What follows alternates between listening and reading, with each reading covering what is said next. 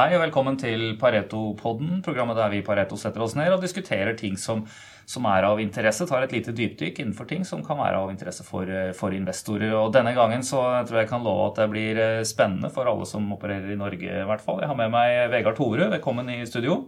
Takk. Hyggelig å være tilbake. Du leder jo bank- og finansteamet hos eh, Pareto her sånn, og analyserer jo da alt som har med, med bank og forsikring og, og, den sektoren der å gjøre. Og i denne uken her så har jeg vært ute med en ny sparebankrapport eh, på kan du si, alle de store uh, sparebankene som jo har børsnoterte egenkapitalbevis, eller, eller, aksjer, som det jo er på, på for en av de. Uh, så, så, i den så er det jo en del spennende, for dette her er på en måte grunnfjellet i norsk finans. Og de er store i sitt lokale næringsliv rundt omkring over hele landet. Eh, og har jo selvfølgelig fått en god del av sin drift eh, forstyrret, kan man si, i forhold til hva man hadde trodd, som følge av, av korona, rett og slett. Eh, og det er jo noe av fokuset ditt i denne rapporten, som, som tar for seg situasjonen etter Q2-tallene stort sett har kommet på, på bordet her. Mm.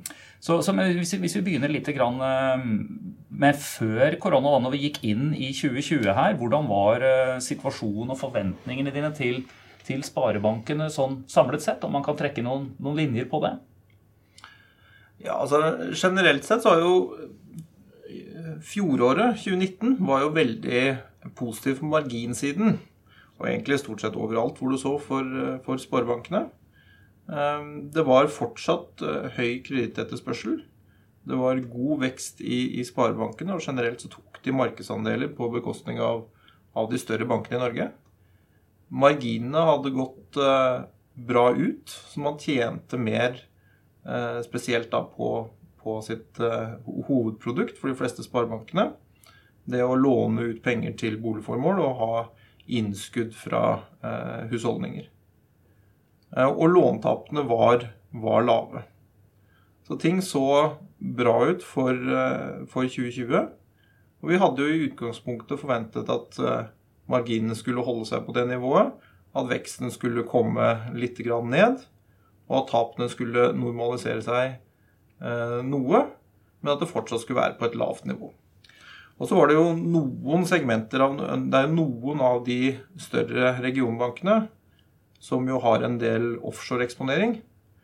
Eh, og innenfor eh, den sektoren så har vi jo ventet på bankrestrukturering en, en, del tid. Der har vi jo nå i en femårsperiode egentlig eh, sett i 2020 eh, der det vil være en ny runde med, med restrukturering hvis ikke ting har endret seg markant. Mm, det vi snakker om her, er jo dette med tapsutsatte lån og føringen av den type ting i, i balansen, og hvor mye av, av balansen som, som, inneholder den form for engasjementer, og en del sånt som, som eh, investorer er opptatt av i forhold til til tapsavsetninger, og for så vidt reelle tap etter hvert som de materialiserer seg. Eh, og, eh, som, men, det store bildet når man gikk inn i, i 2020, var jo egentlig av en, en, en eh, sektor med god lønnsomhet, fin driv fremover. Og, og man snakket jo litt i, i både Norge og andre markeder om liksom kanskje at man måtte begynne å stramme til med rente og litt den type ting igjen. ikke sant? Så, så, så var på en måte man så for seg at kanskje, kanskje man skulle gå i den retningen. Og så kom jo da slutten av februar, inn i mars. Eh, korona slo inn her, og eh, jeg vil tro at, eh, at i mange sektorer, men ikke minst i bank, så måtte det man ja, Du hadde vel ikke dette scenarioet liggende inne i, i estimatene, vil jeg tro? Nei, absolutt ikke. Det, mm, det, hadde vi jo ikke. Ingen forventning om, om et nytt virusutbrudd på, på, den måten som vi nå har sett. Um, men jeg, jeg, tror liksom det som er, er viktig, er at det, det, du refererer til på rentesiden, var jo mye av det som var med å forbedre marginene til bankene. Mm. Så det som var med å, å, gjøre ting bedre, lønnsomheten bedre for bankene i løpet av 2019, og, og det som vi trodde ville da vedvare inn i 2020, var jo da disse renteoppgangene, der man var flink til å sette opp renten ut til, til Eh, lånekundene, mens holdt litt igjen på innskudd. Og så gikk det litt andre veien. og, og, det er jo en av de tingene som ja. har blitt reversert nå. Ja, Så, så, så vi kommer litt uh, tilbake til, uh, til, til, den der. der. Men, uh, men, hvis en tenker litt på, på, driften til en sånn sparebank altså Den er veldig personkundesentrert. Det er det ene. sånn at du, du har mye personkundebusiness. Du finansierer hus, du har lønnskontoer, du har sparekontoer, du selger spareprodukter, den type ting. Men så har man jo også gjerne mye av det lokale næringslivet, og for de større da regionmessige næringslivet. Mm. Det er sånn, Og igjen innenfor næringsliv, du har mye næringseiendom. Mm. Og det som typisk ligger tungt belånt, er jo hotell, restaurantvirksomhet, eh, annen form for, for næringseiendom, butikklokaler, kjøpesentre, alle de tingene der. Eh, og her er det jo ganske mange variabler som har blitt røska litt skikkelig opp i. Og en ser på liksom, tilbud og etterspørsel, eller kanskje mest etterspørselssiden da, eh, av, av, forretningsdriften der, samtidig som du har hatt en kjempeeffekt på renten, som vi jo kommer til. Men, men hva I første omgang, hvordan slår dette ut i dine estimater? For, for, bankene så er det jo to eh, sånne store trender, kan man si, som, som påvirker estimatene. Jeg, jeg, tror jo at eh, den covid-19-situasjonen som vi står oppe i, vil medføre høyere tap. Eh, og Da er det viktig å huske på også det som jeg nevnte innledningsvis, at vi kommer fra et nivå med, som er veldig lavt og under det man på en måte forventer gjennom en sykkel. Ja, Det har det nesten vært under null for mange av bankene. altså De har, tilbake, de har jo hatt positive eh, effekter fra, fra tilbakeføring av tapsavsetning en, en, stund. Ja, det er litt fram og tilbake, men, men, i hvert fall på et veldig lavt nivå. Så uansett så skulle man forvente en normalisering. Eh, når du har da koronasituasjonen og og også da denne lockdownen som vi har kjørt i Norge og, og andre steder, der man stenger store deler av, eh, av, næringslivet, så vil jeg tro at det alt annet like medfører høyere tap for bankene. Mm. Um, og så er spørsmålet om hvor mye høyere tap, og det er veldig vanskelig for oss å si. Og det er veldig vanskelig for, for bankene å si. Så det er den, den, ene faktoren som jo selvfølgelig påvirker estimatene våre. Den andre faktoren er jo eh, en del av myndighetstiltakene, hvis man skal kalle det men i hvert fall det at sentralbanken har satt ned renta såpass. Da får du en, en, reversering av mye av den renteoppgangen som vi eh, jo da fikk mm. gjennom eh, eh, den siste tiden. Og så i tillegg så eh, får du da en dynamikk på konkurransen her som gjør at bankene ikke klarer å forsvare marginen sin. Eh, og da, derfor får du da lavere inntjening Eh, på, på, eh, på en del av hovedbusinessen sin. Det er de to store effektene som påvirker estimatene. Og så er det en rekke andre ting i forhold til aktivitetsdrivende inntekter og i forhold til kostnader og, og, og sånne ting. Men de to hovedtingene så er det da dynamikken rundt konkurranse og renter og, og låntap. Ja, og Dette har jo slått litt eh, interessant ut. for Hvis man, hvis man ser på en, en, gruppe kunder av en bank, da, så er det klart at hvis du det er, noen få som da vil få tap. Eh, og der hvor store deler av engasjementet kanskje går tapt. Altså det, kan være, det kan være at du, en bedrift går konkurs. Vi ser jo konkursstatistikken har skutt i været.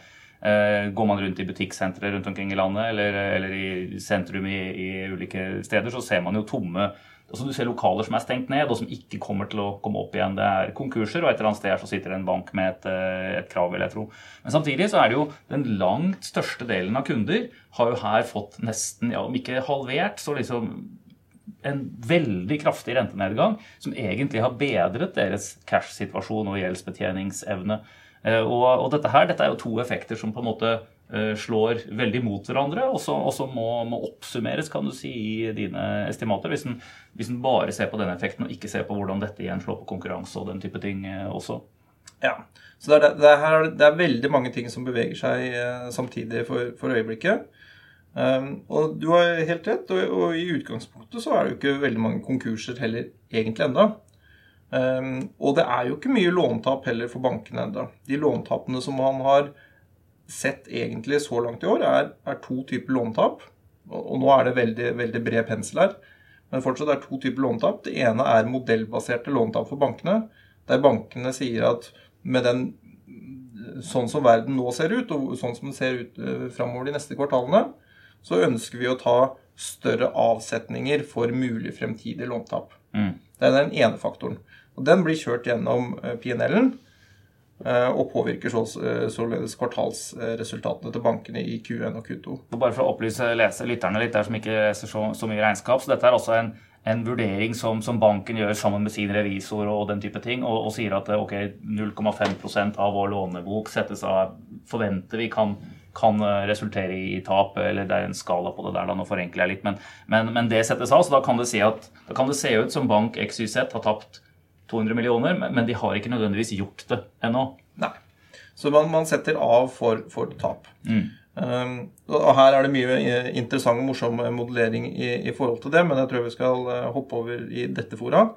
Men, men, men, det er liksom den ene faktoren. Og så er det den andre tingen som har drevet tap så langt i år, og det er jo innenfor eh, spesielt offshorenæringen. Der det har vært eh, større behov for å faktisk eh, øke eksplisitt eh, tapsnedskrivningene mot noen enkeltengasjementer. Ja, og I noen tilfeller så har jo dette vært eh, at, at en bank har lånt ut penger til et, et la oss si et rederi som har offshorebåter.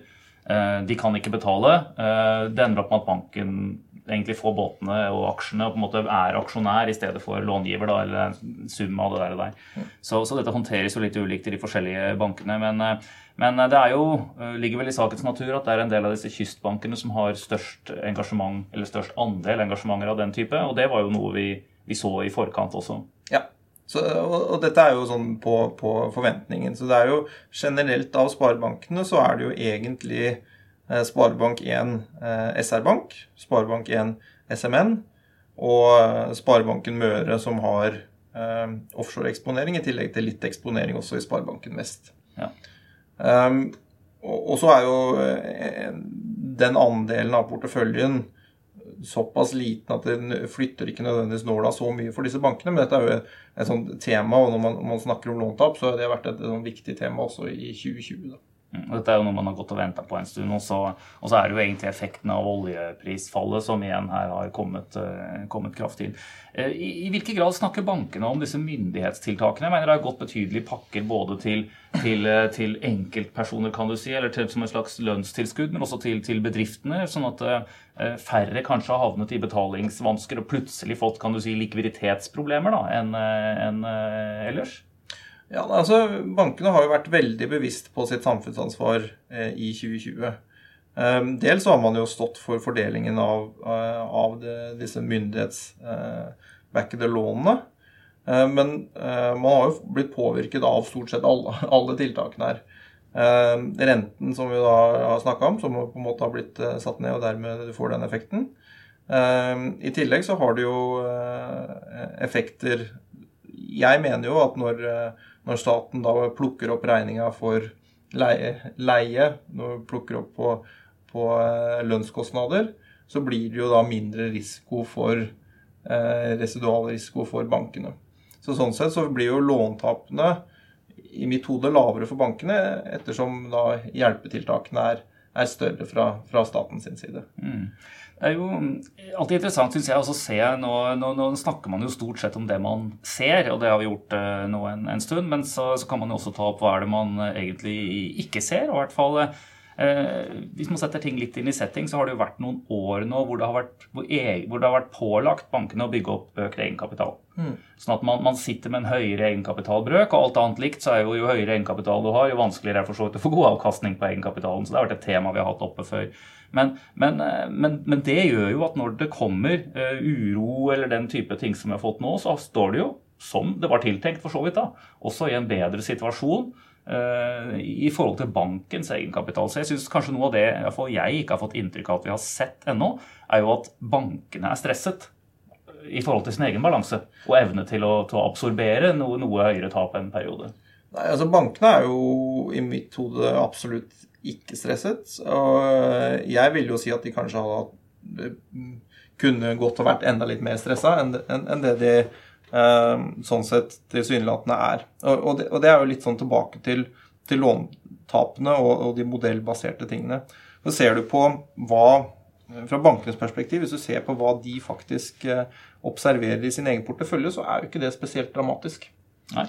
Ser du på, på, på bedriftssiden, altså hvor mange som Eh, som ønsket da endringen på sine låneengasjementer, så var det jo en ekstrem peak i mars. men kom fort ned igjen i april og er nå tilbake for eh, mange av bankene på samme nivå, det samme veldig lave nivået som vi kom inn i året med. Og Det samme ser vi på privatsiden.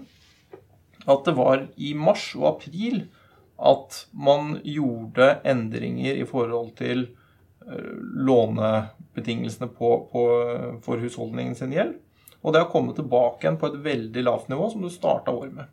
Mm. Så Sånn sett så kan du, hvis du ser da på, på bare din egen portefølje og hva som du faktisk har i betalingsanmerkninger, og hvordan både private og bedriftskunder eh, betjener egen gjeld, så kan man jo tilsynelatende se ut som om, om situasjonen er over. Eh, men der er det tilbake igjen til at vår bekymring har jo ikke vært for Q1 eller Q2.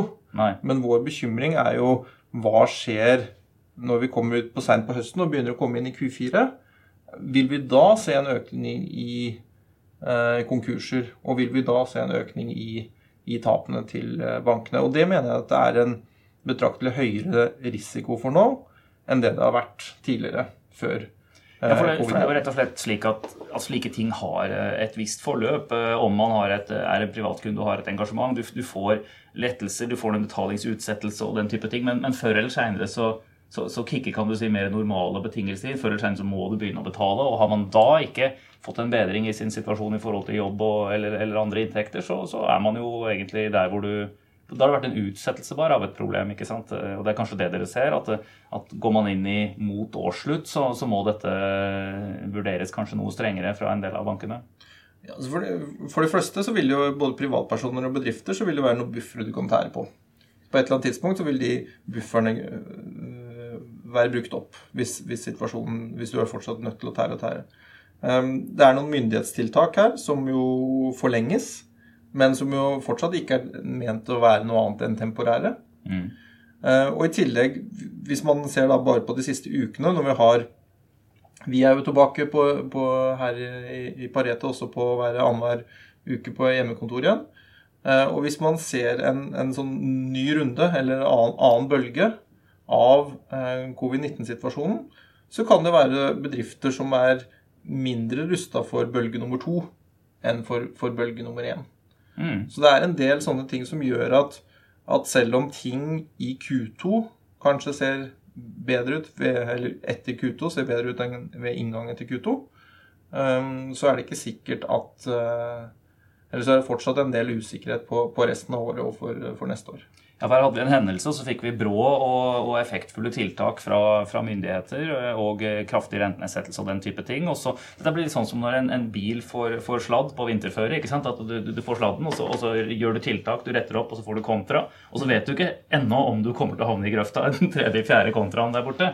Så, så, så, vi får se på dette her. Men, men det har vært et, et par andre effekter vi også ser som for så vidt fanger litt av, fanget meg for min oppmerksomhet når jeg leser denne, denne analysen. Jeg må nevne igjen det at den Norwegian Saving Banks, strong demand, but still lower margins. Stod, den ligger tilgjengelig på, på kundeweben vår på Pareto, så man kan lese i sin helhet uh, der. Men uh, vi hadde jo uh, en det har vært en langvarig effekt og i mange sektorer, men også og ikke minst i, i, finans. altså Dette med digitalisering. At man har hatt eh, økende grad av, eh, av, eh, digital kundebetjening. Og det har vært store variasjoner mellom, mellom bankene på hvorvidt de har liksom omfavnet dette som en, en, mulighet og tatt et skritt fremover, eller, eller om man ser på det som en, et problem og en, utfordring.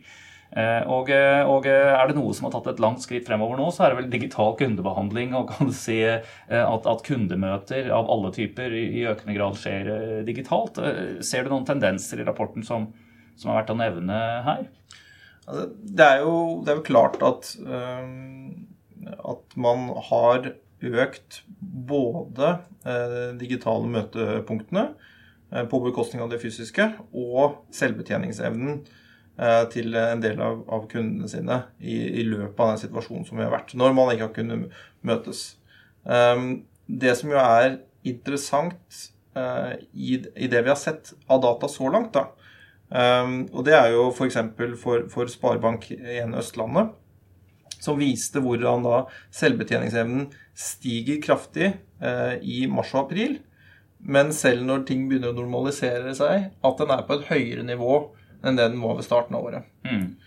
Um, så kan jo det være litt tilfeldig, og folk er, eh, kan være generelt litt mer skeptiske og, og henge litt i. Og det er jo ikke akkurat sånn at vi har en hel full normalisering enda.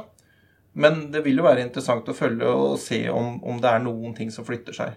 Jeg tror på i, i min og din hverdag så har jo vi gjort en del opplevelser eh, om, om, hvordan man kan jobbe digitalt på andre måter enn det vi gjorde før. Vi har jo blitt veldig gode på eh, både det ene og det andre, og internt her i forhold til vår egen møtestruktur og hvordan vi sam samhandler internt i bedriften, så er det mer digitalt, og det er mer tilrettelagt for digitale alternativer. Mm. Og, og, det er jo ingen tvil om at bankene, til tross for at de har jobbet mye med det og er langt framme på det, eh, trolig vil også benytte muligheten til det. da. Ja, for mennesker har jo en tendens til å gå i opptråkkede spor. ikke sant? Så man, man, man, man bruker de systemene man er vant til, man agerer på den måten man er vant til, helt til liksom enten noe åpenbart er eh, bedre, og en viss prosent vil jo gjerne være først til å prøve det, eller til at man må prøve noe annet. Mm. Og plutselig så finner man ut at ja, videomøter var veldig kjekt, du sparte masse tid, eh, det går an å betjene seg selv i nettbanken, du kan liksom gjøre alle tingene der, samtidig som jo disse digitale tjenestene også har blitt bedre. Men uh, du nevnte Østlandet. Det er jo interessant liksom, at den, den, store den, Kanskje en av de mest trauste bankene vi, vi har, at den, den, har så framgang på de digitale kundemøtene nå. Ellers så er jo Sparebanken Vest kanskje en av den som, som før covid-19 her også, vi har jo hatt det innom i studio og, og hatt videointervju også, de, de, lanserte jo et digitalt alternativ, altså Bulder Bank, eh, som er Sparebanken Vest sitt, sitt digitale landsdekkende tjeneste. Eh, den ble lansert i forkant, og eh, har de sagt noe om hvordan, hvordan det har forløpt eller gått i løpet av de siste kvartalene? Ja, absolutt. Eh, jeg tenker at Det er også veldig greit å nevne at, at Sparebanken Hedmark var jo også Europas første med, med internettbank. da. Så ja. de har en lang tradisjon på å være, være frampå på, på det digitale der også. Bulder har jo fått veldig god vind i seilene, hvis mm. man må, må, kalle det det. Det er jo en, en, en bank som jo har Som jo er en interessant eh, case i seg selv, da. Men, men, når du har da en helt målsetting om en helt selvbetjent, helt digital bank, som kun skal egentlig være tilgjengelig på, på telefonen, og ikke engang med en internettside på, på PC-en, eh, så får du jo mye vind i seilene når du ikke har noen spesielt andre gode alternativ. Og det at renta blir satt ned, og man fikk den runden med fokus på lånerenter som man egentlig fikk. Så det var to ting der som spilte, spilte deres vei. Eh, og det har gjort at de har fått eh, veldig god kundetilgang. Det var jo såpass at de faktisk måtte få litt hjelp av, av eh, Sparebanken Vest til å betjene alle kundehenvendelsene. Og ligger jo nå veldig godt an i forhold til Eh, sin utlånsambisjon for året i år. Og så er jo utlånsambisjonen for, for neste år eh, enda mer ambisiøs eh, i mitt hode. Så det blir jo spennende å se om, om, eh, om de kommer til å endre den utlånsambisjonen etter hvert. Eh, og gjør de det, så blir det jo eh, virkelig, virkelig en, en, stor aktør på, på, på boliglånssiden. Det er en interessant case, også, for det viser jo hvordan en regionbank kan, kan nå bredere ut gjennom, eh, gjennom, at det rett og slett åpner seg disse her flatene, og at de har tatt en aggressiv posisjon der. og Jeg tok jo og sjekket det ut eh, etter at vi hadde banksjefen her i studio og hadde videointervju, så jeg bytta. Kjempefornøyd. Og du får hjelpe deg litt eh, til dette her, så se om, vi kan, om du blir nødt til å oppjustere estimatene dine for, for neste år. Men, men, det er én faktor, og det er når, når renten går ned så bratt som den har gjort nå, og, og raskt så er jo det eh, noe som, eh, som, gjør at mange går inn og ønsker å kan du si, se på om man kan strukturere lånene sine annerledes.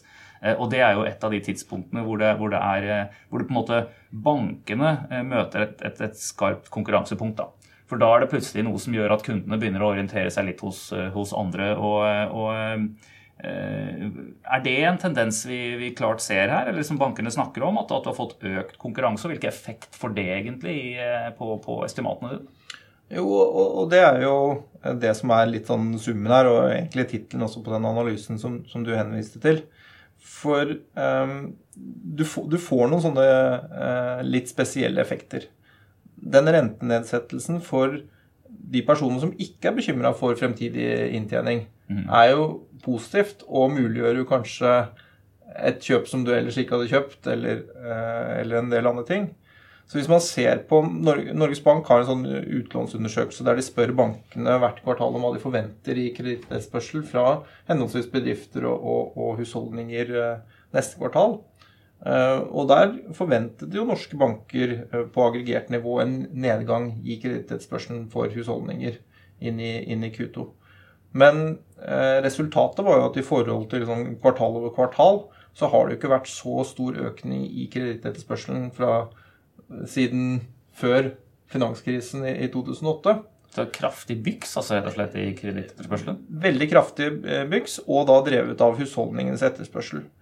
Um, og så Hvis man ser generelt på, på hva vi gjør med estimatene våre i etterkant av Q2, så er det jo at vi tar opp vekstestimatene våre for bankene pga. etterspørselen. Men samtidig så skjer dette på lavere prispunkter. Og, og, en del av da marginekspansjonen som vi jo da har sett med de økende rentene, kommer pga. Eh, innskuddssiden. Og innskuddssiden, der er det, det er jo null er i hvert fall et nedre grense for hvor lavt du kan prise innskudd. Mm. Så ergo så klarer de ikke å kompensere hele rentereduksjonen på utlånssiden på innskuddssiden. Og derfor får du en marginkontraksjon eh, for de fleste bankene. Og så har nok konkurransen også vært litt tøffere i Q2 enn det bankene ville trodd på, på, vei inn i kvartalet. Og den ser også ut som den vedvarer nå inn i Q3 og, og, og sikkert resten av året. Så generelt så går nok marginene litt ned for eh, standardproduktet til, eh, til sparebankene.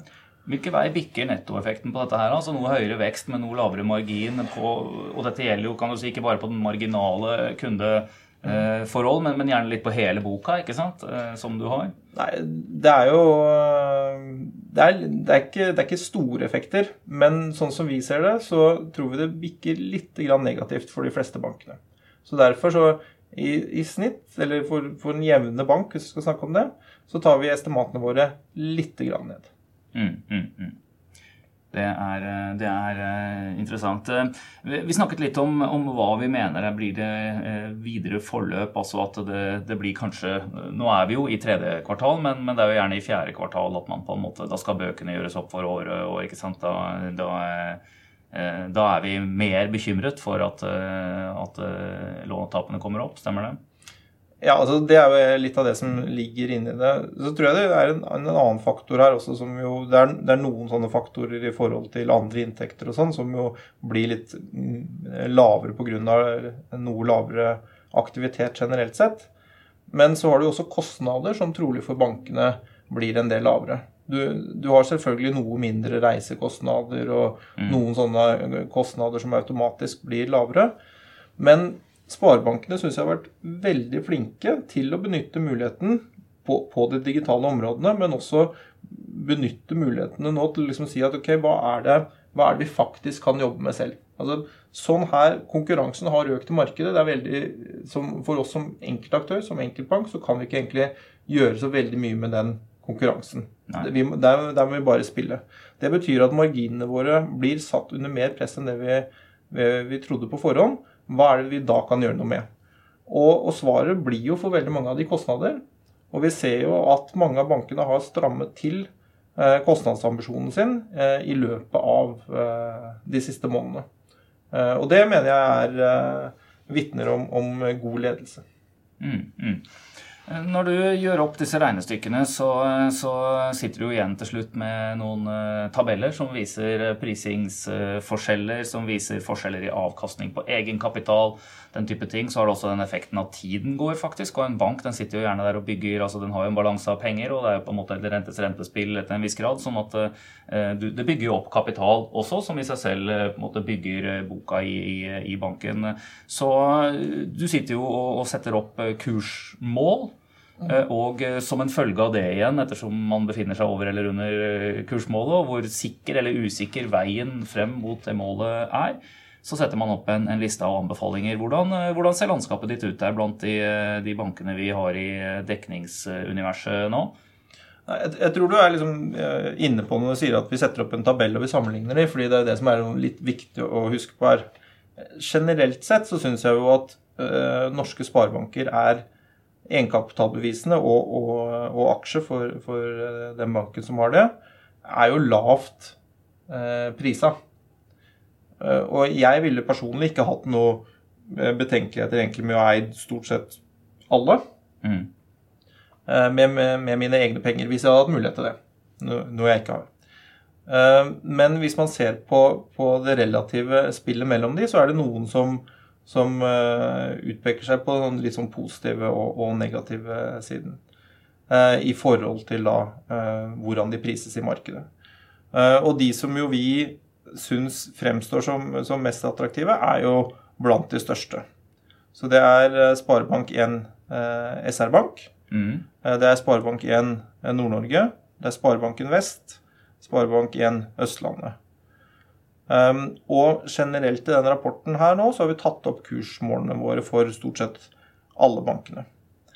Og så er det én bank som vi, vi, fremhever som den vi kanskje syns er mest interessant PT, mm -hmm. men som jo også gjør uh, et nummer ut av at det er noe høyere risiko enn en del av de andre kanskje store bankene, og det er Sparebank1 eh, SR-Bank.